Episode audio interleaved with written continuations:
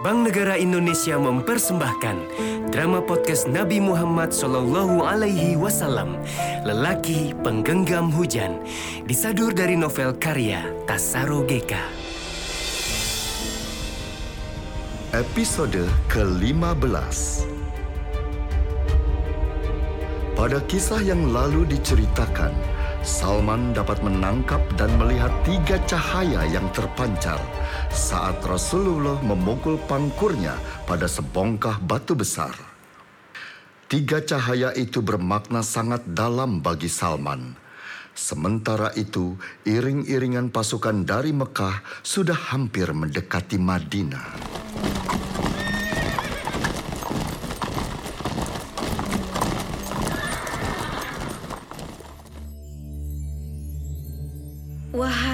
Lelaki pemberi peringatan, tahukah engkau apa yang dirasakan para penyerangmu? Abu Sufyan, kawan lamamu, panglima tertinggi pasukan penghancur dari Mekah, terpana di atas kudanya. Lihatlah Abu Sofyan. Padang rumput yang seharusnya hijau sekarang menjadi gundul dan kering kerontang. Makanan hewan yang kita bawa pasti tidak cukup untuk bertahan lama. Kita harus cari jalan keluarnya. Hei, lihat itu Ikrimah. Hmm, Muhammad dan orang-orangnya melakukan kesalahan yang akan mereka sesali seumur hidupnya. eh, ada apa ini? Orang-orang Madinah justru membuat tenda-tenda di luar benteng Madinah. Aku pikir mereka berada di dalam benteng. Iya, Kita akan menggempur mereka dalam waktu yang singkat. ya. Kita lumatkan mereka. Siapkan penyerbuan. Dengan penuh nafsu, Abu Sufyan, Ikrimah, Khalid bin Walid, Amr bin As, dan para petinggi Quraisy berteriak-teriak memberi komando untuk siap menyerang. Wahai saudara-saudaraku semua, bersiaplah untuk maju berperang. Kita hancurkan Madinah. Pasukan pertama, serang! Barisan pertama pasukan Mekah dan sekutunya menyerang. Tiba-tiba mereka berhenti mendadak, membuat kegaduhan di barisan tengah karena tubuh-tubuh mereka saling berbenturan ketika barisan yang di depannya berhenti secara mendadak.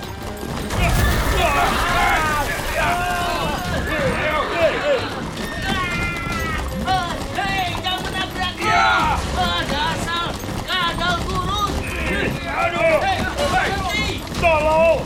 Mereka sudah di depan mata, kenapa berhenti? Tahan! Di depan ada parit lebar dan dalam. Kalian akan terjerumus dalam kerusuhan serangan. Tahan! Tahan kudanya! Tahan kudanya! Ya, Jangan maju kalau tidak ingin terjebur! ya. Abu Sufyan dan para petinggi Quraisy terbelalak. Madinah telah dikelilingi oleh parit raksasa. Semua terpana. Belum habis keterkejutan mereka, tiba-tiba dari angkasa meluncur ribuan anak-anak panah menyerang mereka. Seketika porak-poranda pasukan yang dipimpin Abu Sufyan berlarian menyelamatkan diri.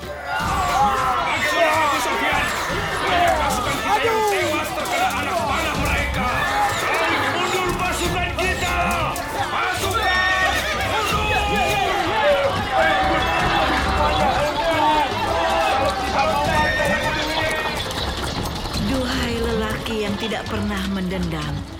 Strategi pertahanan Parit telah membuat musuh-musuhmu kesal dan hampir putus asa. Pertahanan Parit jelas di luar imajinasi mereka.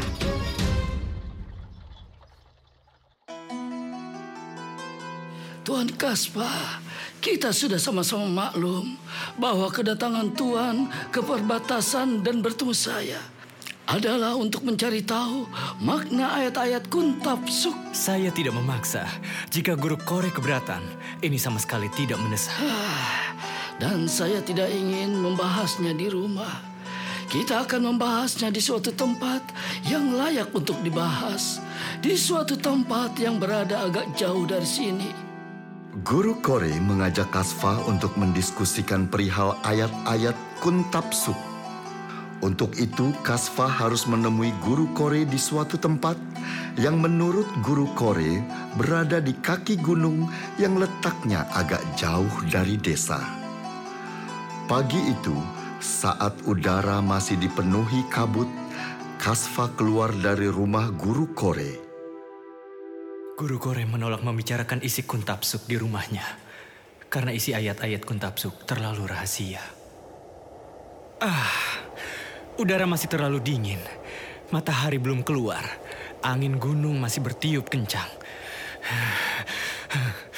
Untunglah aku membawa selimut yang diberikan Masya.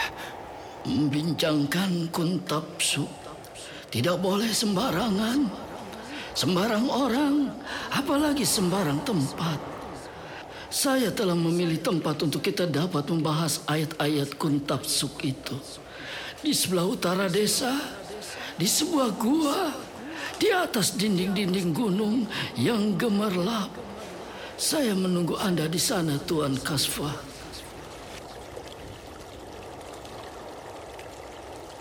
Nah, aku harus menyeberangi sungai ini. Demikian gambaran yang diberikan Guru Kore. Setelah itu, aku akan sampai di lembah, kemudian mendaki gunung, yang nantinya akan bertemu dengan sebuah gua yang memantulkan cahaya. Kasfa melanjutkan pendakiannya. Seketika pandangannya terpana dan takjub pada sebuah dinding gunung yang gemerlap yang memantulkan sinar matahari pagi. Ah, indah sekali batu-batu yang tersusun rapi di dinding gunung ini. Sangat cemerlang. Jauh lebih gemerlapan dibanding istana Khosru. Kasfa segera memasuki gua. Di dalam gua, Kasfa lebih terpesona dengan keindahannya. Batu-batu stalagmit dan stalaktit menghiasi dinding gua itu. Suara air menitik keluar dari pori-pori gua itu, menciptakan suara yang indah, penuh kedamaian. Guru Kore. Guru Kore. Suara Kasfa memantul dari dinding ke dinding. Tidak berapa lama kemudian, terdengar suara yang juga memantul, berputaran di dalam gua. Wahai engkau yang mengagumkan, sebarkanlah kebenaran. Seperti seekor burung yang bernyanyi di atas pohon berbuah ranum. Bibir dan lidahmu bergerak laksana pedang yang tajam. Itu suara Guru Kore. Hanya saja terdengar lebih bertenaga dan sakral. Aku tahu kalimat-kalimat itu adalah ayat-ayat dari Kuntapsuk. Tetapi, di mana Guru Kore berada? Aku belum bisa melihatnya.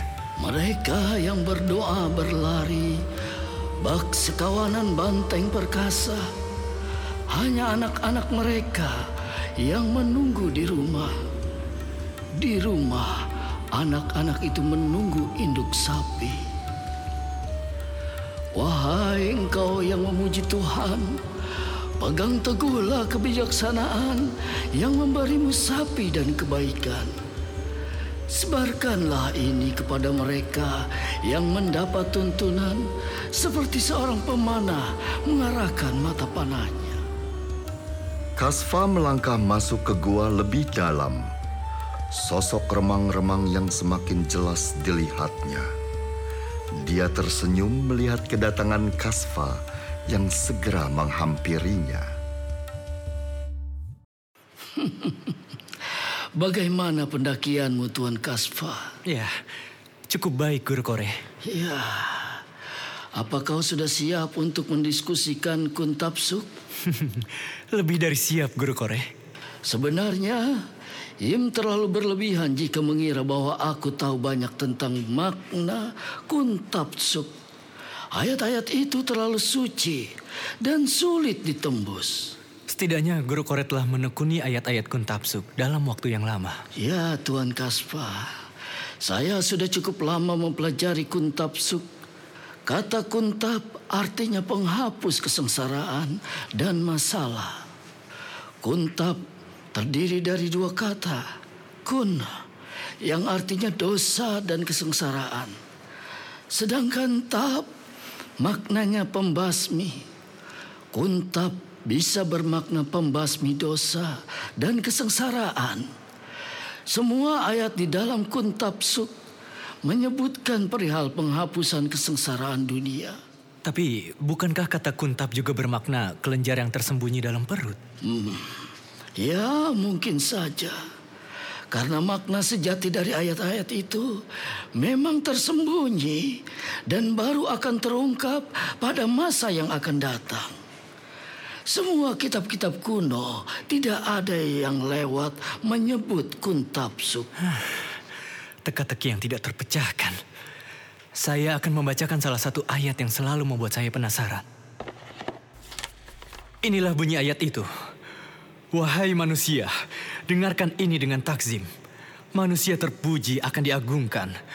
Wahai Raja yang pengasih, kami menemukan 60.090 lelaki gagah berani menghancurkan musuh-musuh mereka. Agak berbeda, tetapi maknanya kurang lebih sama. Penyebutan kata yang sedikit berbeda, tetapi maknanya sama. Pujian agung, itu yang terdapat dalam terjemahan saya. Sedangkan manusia terpuji, terdapat dalam terjemahan Anda, Guru Kore. Makna yang nantinya paling mendekati adalah dia kelak terpuji. Risi penerima weda memberikan nama pada manusia terpuji yang dijanjikan itu. Narasansa asfisiate. Maknanya yang terpuji dari kalangan bangsanya. Guru Kore, apakah benar ayat-ayat ini membicarakan kedatangan seorang penyelamat? Pangeran kedamaian? Menurut Tuan Kasfa sendiri, bagaimana? Hmm? Hampir semua tradisi agama berbagai bangsa selalu ada nubuat tentang seseorang yang dijanjikan. Kuntapsuk. Menambah daftar itu, Lantunkanlah pujian bagi Raja Dunia yang serupa cahaya. Laksana dewata terbaik di antara manusia.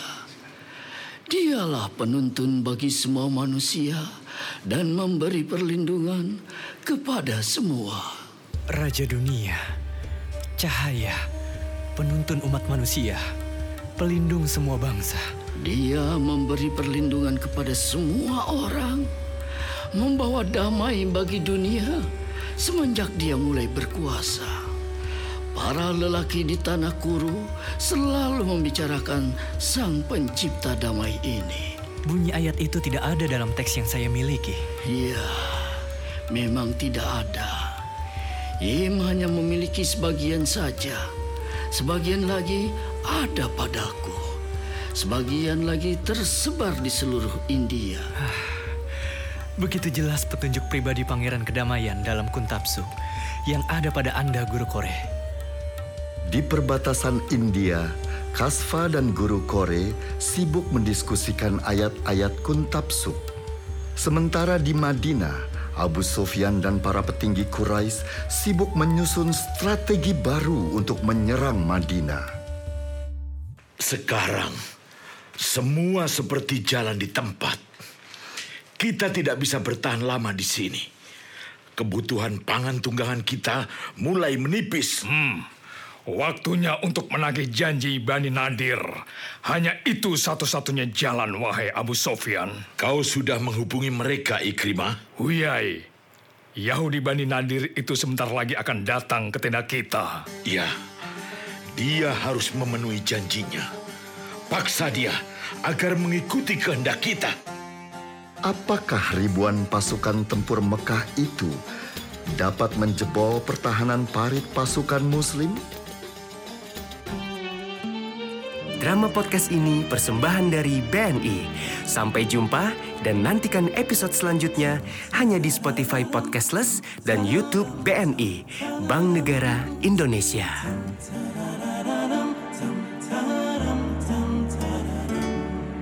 Gelisahmu hanyutkan mentari hatiku saat aku letakkan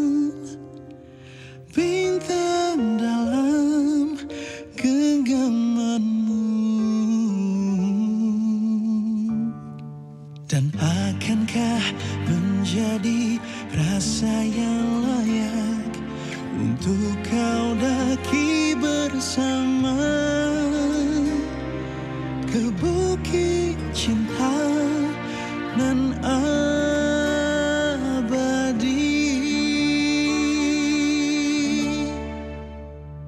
Akan ku bentangkan